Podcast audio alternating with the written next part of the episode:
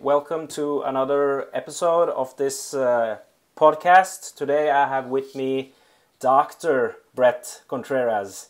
Bret, how are you doing today? I don't think I'll ever feel comfortable being called doctor. Oh, really? I just, I don't know. That's an American thing where you know, call me doctor. In in uh, New Zealand, I tried to call my professor doctor, and they're all like, no, "Call me John," you know. yeah, I, I know But, yeah. uh, quite a few professors as well feel that way that I don't like to be called professor or doctor. Just call me my. Some are first name. adamant about it. They're like, "That's Doctor Contreras," but no, not me. Okay, let's just stick to let's just stick to Bret. then. Well, yeah, you won't see me t- changing my social media to Doctor Bret Contreras or anything. Okay, so how does it feel to finally be done with the PhD? Oh God, it's so, so nice to be done. You know, I've been at it for f- four years, and just a lot goes into it. So yeah, I'm very excited to finally have that out of the way. Nice. Well, once again, congratulations. Thank you. Okay, before we start, could you give us a brief introduction about yourself and your um, your uh, current uh, current work, what you do? Okay, so I, I, I used to be a high school math teacher. I, but I was spending all my time reading about strength training. Funny story: I had a professor who said, "Bret, I turned in a project, and she said this is the best project I've received in 13 years of being a professor. I'm sure you're a great math teacher, but you need to leave. You need to pursue your passion, and you need to go into exercise." So uh, that's what got the wheels turning, and I opened up my own gym. I've been personal training since I was 20, and I'm 39 now. So for 19 years, I've been a personal trainer. Uh, for like probably 15 years, I've been a CSCS. Just recent, recently got my PhD in in sports science, biomechanics, and uh, um, now I've I juggle a lot of things. So I've got my garage. I have a four-car garage gym that I converted into a, or sorry, garage that I converted into a gym. I call that the Glute Lab, and I've got a group of like ten girls that train with me, uh, ten females, and I call them the Glute Squad, and I train them twice a week, and so I'm always, and then I do seminars every month where I take 16 people for the day, and we do practical stuff all day. So I always make sure to be training lots of people and uh, I have my Strong by Bret program too, which we have got already 300 members. So I'm working with tons of clients online and in real life and in my seminars.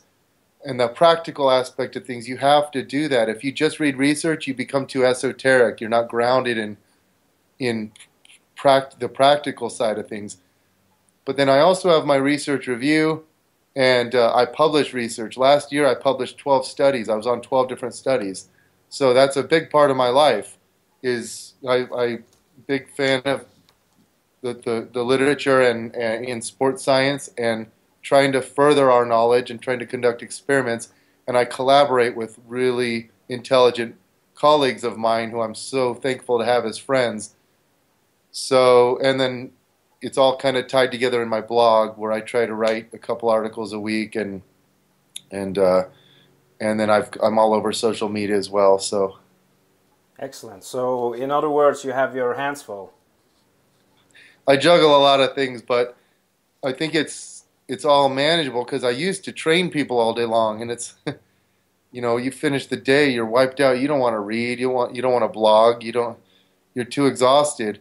So I do just the right amount of everything to where it's still exciting and fun. Excellent. And you also have a nickname, the Glute Guy. So that's perfect for today's topic because we're going to talk about uh, some glute training. And um, first question I want to ask you is: uh, Could you could you explain what the function is of the glute muscles? Okay, so most people will just say the glutes are responsible for, for hip extension. Some people will name three different actions. They'll say hip extension, hip external rotation, and hip abduction. But most people forget posterior pelvic tilt. So the glutes do four main things. They do, you know, they do hip extension, hip abduction, hip external rotation, and posterior pelvic tilt. But hip extension and posterior pelvic tilt are kind of the same thing in a way. Because if you think of the hip, say here's the hip socket and here's the head of the femur. Um, if you move the femur this way, it's hip extension. But if you move the pelvis this way, it's posterior pelvic tilt. But if you're look just zoomed in here, the same thing's happening, you know? You've got either the femur moving into hip extension or you've got the pelvis spinning on the femur. It's a similar thing. So hip extension or hip hyperextension, I should say, hip hyperextension and posterior pelvic tilt are kind of the same thing. You're just ma- making sure that the full hip extension is realized. And then hip abduction can be carried out in, you know, flexed or frontal, like frontal plane or transverse plane. You can be bent over or standing straight up. That's moving the leg out to the side. And then there's hip external rotation. So in sports, you have, um, in sports, you have a wide variety of things that you end up doing. So, like, this is why it's so important to have strong glutes. When you cut from side to side, you think, well, that's hip abduction, but you're actually flexed, and when you move to the side, you extend and abduct at the same time. When you swing a, when you swing like say a baseball bat or a tennis racket or something, you will be flexed and you're rotating, but you're also extending the hip at the same time. So you'll start out flexed and then you finish off more extended. So hip extension lays the base for almost everything. Hip extension provides the foundation for sprinting, jumping, cutting side to side, twisting, striking, throwing. So hip extension is so important. So strong glutes are very, very important in sports. Um, and and I can't say enough about them. I mean, every every coach, every every coach and, and athlete knows, you know, you need strong, well functioning glutes to succeed in sports.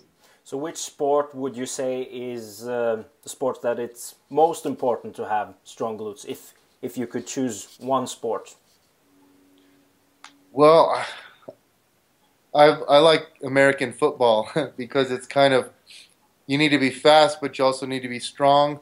But you've got you've got to push athletes forward. You have to push the opponents forward you have to sprint linearly. You've got to cut side to side. You've got to jump. You know, there's just so many. It's it's uh, if you're a quarterback, you have to throw. Uh, even kicking the planted leg stabilizes. So there's uh, just that, that. I like American football because it represents all ends of the force velocity curve. You have to be forceful and fast, but you know, powerlifting, Olympic weightlifting, sprinting, track and field and then most ground sports, though, you, you need strong glutes. So, uh, you, so so important in most sports. Even like swimmers use their glutes, but it just to varying de- degrees and varying joint actions and varying speeds. So you kind of have to tailor the training towards the sport. Excellent. Before we get into the um, training aspect of this um, of this podcast, uh, could you explain health-wise why it's important to have strong glutes? Well, so I won't delve into the science of pain because pain is very complex. It's you have to look into the biopsychosocial model.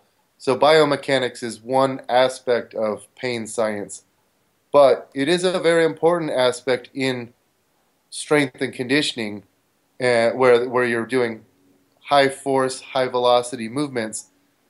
So the glutes kind of, if you look at like a muscular anatomy chart with the skeleton and the muscles, and you look at the glutes, they're the centerpiece. They also like 70 to 85% of the fibers attached to fascia.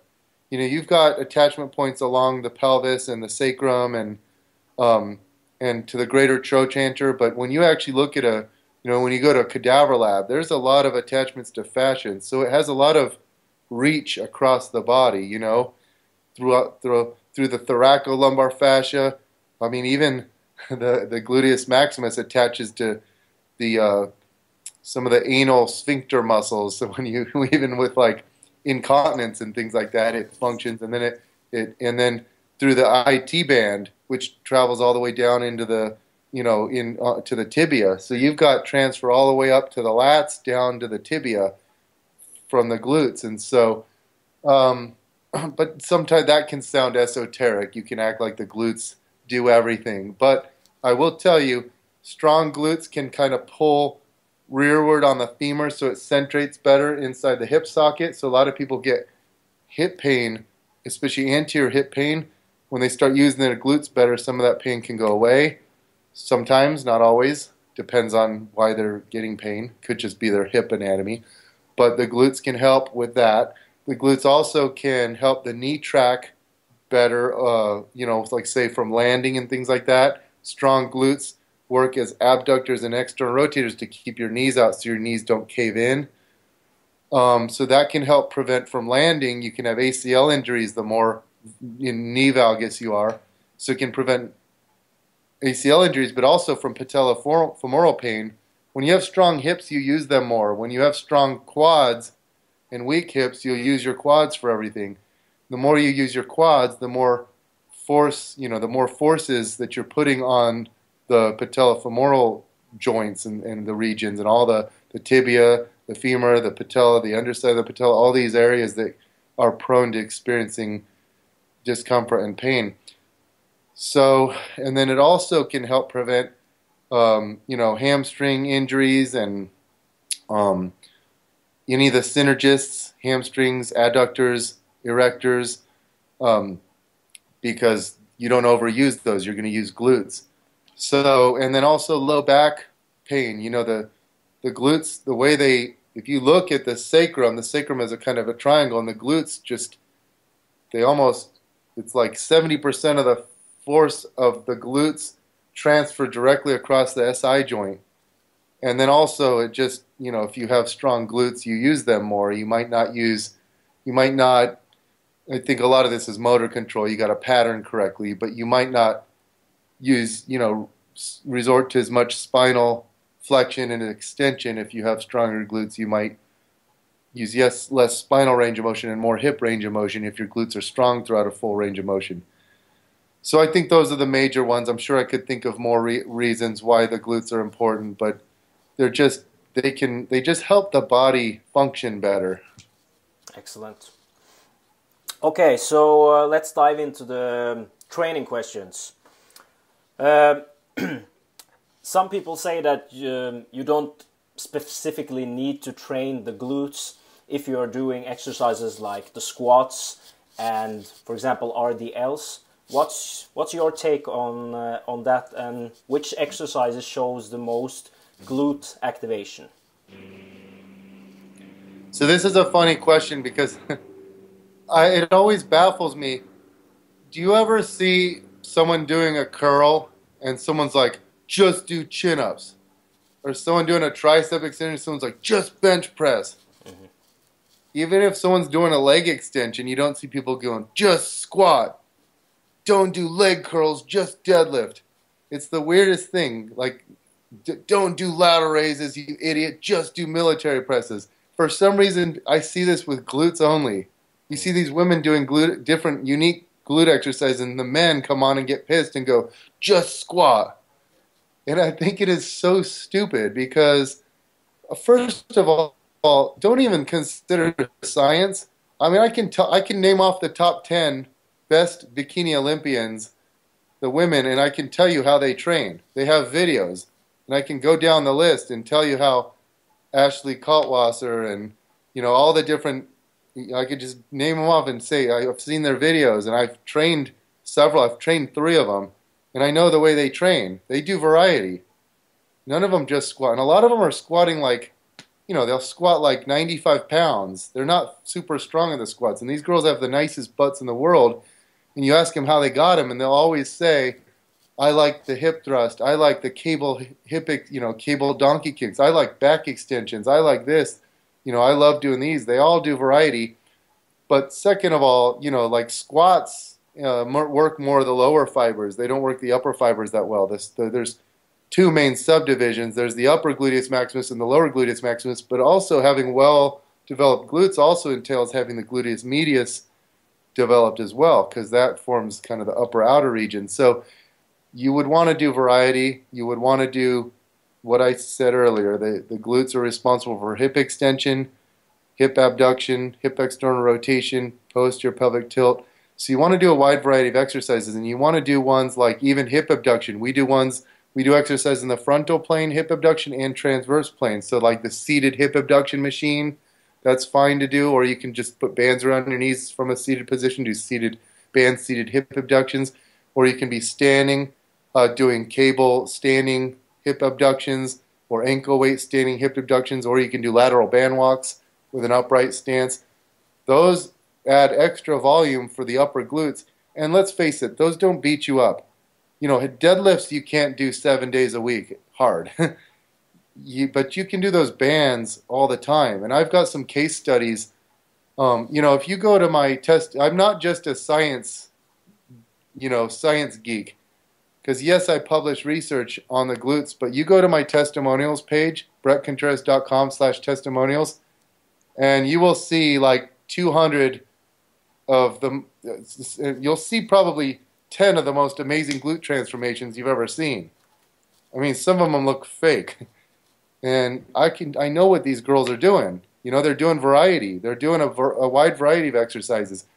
And the lateral band work that they're doing really helps add more volume, but you can do that frequently. It doesn't beat you up. You don't wake up going, oh God, I can hardly get out of bed from all those lateral band walks. You know, they're it's like I call it penalty-free volume. It doesn't beat you up, so you can do it frequently. And I had a client named Erin. I wrote a blog post on her, but she just stopped doing weights. Like I didn't tell her to do this. She did this on her own. She stopped doing weights and started doing bands seven days a week. She'd do 10, 10 minutes to 60 minute workouts. So some days she'd do a whole hour, some days 10 minutes, but she would do it seven days a week and she won her first. She won the overall. You know, she won her first bikini competition, including the overall. Took home the sword, and she was the best. She she it was cra- this crazy transformation. I have her before and after. So uh, I think that is very inefficient to just do squats and RDLs. I think you should do hip thrusts uh, and you know barbell hip thrusts band hip thrusts, double band hip thrusts, where, where you have a band around your knees and a band around your hips. You should do high rep, low rep, medium rep, hit all the rep ranges. You should do different types of squats, different types of deadlifts, uh, different types of hip thrusts, different types of lateral band exercises. You should do some single leg exercise like lunges, Bulgarian split squats, step ups. You should do some extra posterior chain stuff like back extensions and reverse hypers and pull throughs and kettlebell swings. Um, and there's so many good good exercises to do. So you want to be getting stronger on some of them, but you also want to be employing a lot of variety. And also, just some of them you don't try to get stronger, and you just go for the feel and quality and over quality over quantity. Um, but yeah, I think my main, if I had to recommend one exercise for the masses, I would say it's the hip thrust. It's so great that you say that because I work with a lot of um, bikini competitors, and some of them are doing the squat, doing the RDL, but they, they have underdeveloped uh, underdeveloped glutes. So we started doing exactly what what you're recommending now. That we did exercises that doesn't tax the system a lot, and we did it uh, more frequently. Um, for example, some some band work at the end of some of the upper body workouts or, or the and the lower body works, and we did variations with some heavy sessions and some lighter sessions just to, to increase the volume. And uh, I have to say, I saw some incredible results with my clients when I started doing this. Like uh, immediately, they started seeing improvements in their glutes. Yep, preaching so to the choir. Yeah. I've had, I've had uh, two or three. Well, yeah, my client Molly and my client Allie, both of them grew two inches around their hips uh, two inches on their glutes in a two to three week period. And it was because I, I, they came to me and they weren't pushing it nearly as hard as they could on their hip thrusts. And I started giving them hip, like a, I'd give them like pyramids sets with the hip thrusts. So they do like maybe a set of 10, a set of 8, a set of 6, and then maybe a set of 15 to 20. But I'd have them use a lot more weight, and each time I'd increase the loading and uh, some of them, you know, the both of those girls that she, they were getting accused of getting glute, getting butt implants. Yeah. Because it was like such rapid growth. It's funny because I've talked to uh, some scientists about this. You can't put on two inches of muscle mass that quickly, so it's got to be a lot of edema or cell swelling or whatever. But it's not like that goes back to normal. It's not like they lose that. So I think over time maybe it it goes from more swelling and then maybe it fills in with muscle. It's hard to it's hard to understand the exact science of it, but I just know that some girls respond very well to hip thrusts. Not all of them do. Uh, I always say, you know, no exercise is worth doing if it consistently causes pain or injury. So I don't have every girl squat. I don't have every girl deadlift. Well, actually, all my clients do squat and deadlift and hip thrust, but they're all healthy women. But if I trained say I, say I had 50 clients, I'm sure there'd be a few who didn't do each of the main exercises.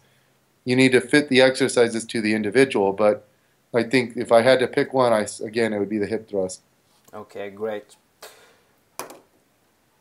So, uh, if you could give a general recommendation, let, us say you have a client that's mainly focused on the aesthetics. She just want to improve the looks of her of her glutes, or or him, um, what would be your general recommendations in regard to training frequency and how you would use different rep ranges during the week? Okay, so this is a tough question to tackle because you're asking about frequency and exercise selection, but the things that affect frequency are your effort and loading and the exercise selection. So when I do my seminars, I go through this very carefully, but um, exercise selection. If you do five sets of five deadlifts to to close to failure, how often can you do that? I would say you can't even do that twice a week.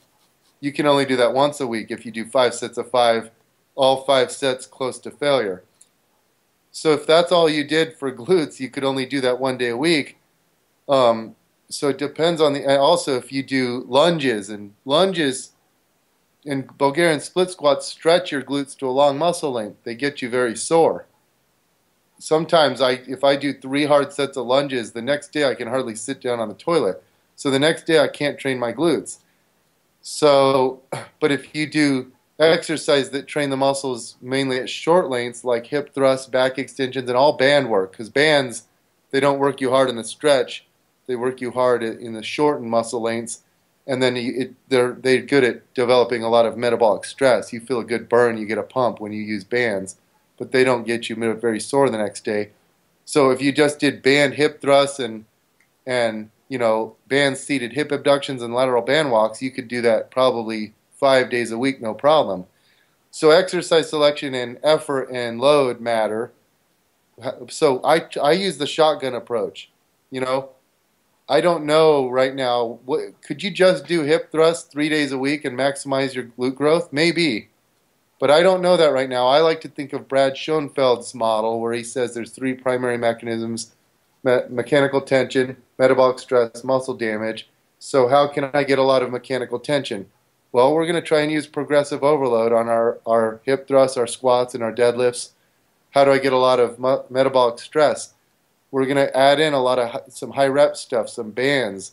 You know, we're going to add in some sets of 30 back extensions done in a glute dominant fashion or frog pumps I've been doing lately. They kind of look funny, but you just do them on the floor. They're like glute bridges, but with your feet together. Um, uh, band work, you know, band hip thrust, double band hip thrust, and then you get a ton of metabolic stress. You get the burn, I think that enhances muscle hypertrophy, enhances glute growth when you add in that stuff, just as you found. Then I also want to add in some muscle damage, but not too much because I don't want to interfere with frequency. So I'm not doing four sets of lunges, four sets of Bulgarian split squats. It's more like doing one to two sets, but not not always with progressive overload because I want them to. They will get stronger at that, but it's not my main focus because I don't want to make them too sore. So I, it's like mixing.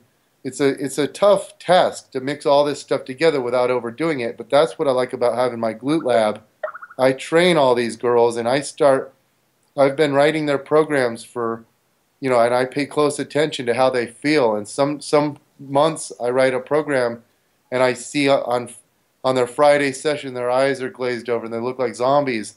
It's like I, am too aggressive, uh, and so in general, I would say three days a week, three to four days a week is best for glute growth. You can do seven days a week if all you did was bands and you know exercise that don't beat you up too much, and you don't go to failure on everything, and you're not so obsessed with progressive overload you could also see glute growth probably training one day a week if you just hit it super hard on, say, you did squats, deadlifts, and hip thrusts really hard, and then some like a cable standing hip abduction. You get all the you hit the upper, the lower, and if you utilize progressive overload, you could see glute growth. But can you see maximum glute growth that way? I don't think so. I think you need three days a week to optimize glute growth. But I also think that it depends on the client because I've trained. I'm thinking of my client Sammy right now she, if I train her too often, she gets weaker. She does best training hard two days a week. And then I think of some of my other clients who can handle more volume, but like that same client, Sammy, if I gave her four sets of things, she'd get weaker. She was my strongest client ever, but she could not do a lot of volume and frequency.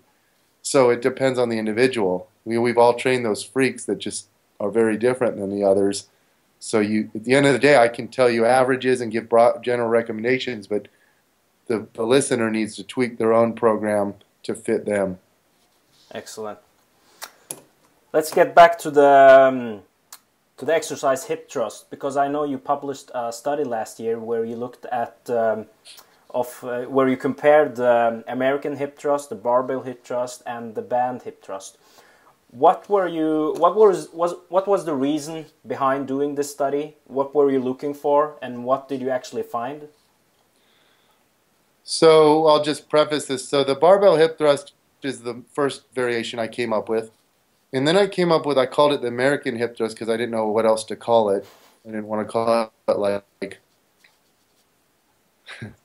you hinge. So what the reason I thought of this is that the client I thought I told you about earlier, Molly, who grew two inches on her glutes, she's training with me now still, but this was years back she couldn't push hip thrusts hard because they hurt her low back. And I'd be trying to tell her like, don't hyperextend at the top, don't hyperextend. But she's she's in extension and anterior pelvic tilt. You know, it always looked like she's sticking her butt out, but she's really looks like she's in good amount of anterior tilt just normally. So when she would do hip thrusts, I'd see her and I, I'd try to work with her lumbo-pelvic complex mechanics, uh, lumbo-pelvic hip complex mechanics, and then I'm like, I gotta think of a better way. So I had her slide her back up higher on the bench. So instead of hinging from like where the bench is touching in like mid scapula level, it's more like mid back, like like I don't know exactly where if it would be lower thoracic ver- vertebrae or whatever, but the, she scoots higher up on the bench, and then you you don't you don't go down and touch the plates to the floor. You reverse in midair, but when you come up, it's a posterior pelvic tilting thing where you see the pelvis come up. So then the ribs the ribs stay down and you get this real flat torso. And so she couldn't do hip thrust really hard until I thought of that. And when I thought of that, I gave it to her and she's like, "Oh my god, there's no pain. This feels so good on my low back." But her she finally started being able to push her glutes really hard. So I remember she was only doing 115 pounds for three sets of 15. The next week she got 135 pounds for three sets of 15, or the, the next session she got 135 for three sets of 15. Then the next session she got 155 for three sets of 15. And then the, the next session she got 175 for three sets of 15. And I'm like, she's going up 20 pounds every session because it was the first time she could push them to their full potential. And she just responded like crazy. So anyway, so the American hip thrust works well for people who, tend, sometimes have low back issues when they do regular hip thrust. And then the band variation I started doing later on when I realized, God, these bands work great. But I started using my hip thruster machine, which has allows you to do them with the band attachments. You can also do them at a gym if you do. You can do them in a power rack or like putting dumbbells down. But the band hip thrusts, some people who never feel their glutes, like I had a training partner, Charles Staley, he never felt his glutes much with hip thrusts. He started doing band hip thrusts and he's like, oh my god, I can't believe how good these work. And I even have a video of him I put on YouTube where he's like, I've never felt my glutes working so hard in my entire life than one set of these band hip thrusts. I never felt them much with the barbell, but here they're burning like crazy. They're all pumped. So here's what the study showed. The study, but I'm gonna I'm gonna go a step further after I tell you what the study showed. I'm gonna tell you what the average is. The barbell hip thrust was best for the glutes, but uh, one thing about the American hip thrust was the what that was nice is it used a little less quad and a little more hamstring than the barbell hip thrust. So some people who feel their their quads overworking, they might benefit from trying the American hip thrust. I was wondering if maybe the peaks got higher with the bands, but that wasn't the case. Mean and peak was higher with barbell. Um, I know the band, the barbell hip thrust was highest with lower glutes, but I actually think the American hip thrust might have had higher upper glute, but I don't think it was significant. But anyway, here's the take home with what I took up for the study. With we had 13 subjects and there were a couple of subjects that got their highest activation from band hip thrusts. There were a handful that got their highest activation from American hip thrusts, and there were a handful who got their highest from barbell hip thrusts. So when you average out the means, yeah, that's great. But when you look at the actual distribution, and you saw that two of the 13 got their highest with bands, well, that jives with my jives with my experience as a personal trainer. That occasionally you get the client there that are like, I feel bands working so much better.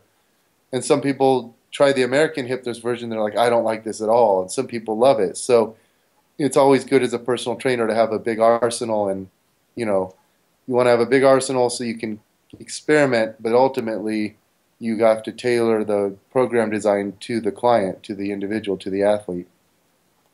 Excellent. Okay, Bret, that was really awesome. Thank you so much for taking the time to doing this uh, to doing this podcast. Could you um, could you tell us the name of your website and also the new page page that you launched? So my website's bretcontreras.com, but if you don't remember my name, you can just type in the glute guy onto Google, and my website comes up. So it's Bret Contreras. There's one T in Bret. BretContreras.com and from there, that's kind of the hub. So if you want to follow me on social media like Facebook, Twitter, YouTube, Instagram, there are links from the website. There's also a link to my Strong by Bret program, which I just launched. That's training for women, and they that's the same program that I give my Glute Squad, my regular clients. But I you get videos sent to you explaining the workouts, explaining form, and you can do that same program. I also have a research review uh, that I do with my partner Chris Beardsley, and I'm really proud of that. So if you're into research and you like, we we summarize 50 journal articles every single month, and we go through 80 different journals in strength and conditioning, biomechanics, sports medicine, you know, uh, physiology, anatomy. We we go through all of it. We pick out what what we feel are the 50 most relevant studies for the average personal trainer or physical therapist or strength coach or even lifter. So yeah, it's all accessible through bretcontreras.com. Excellent. Okay, Bret, thank you so much again for taking the time and uh, have a nice day. Have a nice day too. Thanks for having me on. Thank you.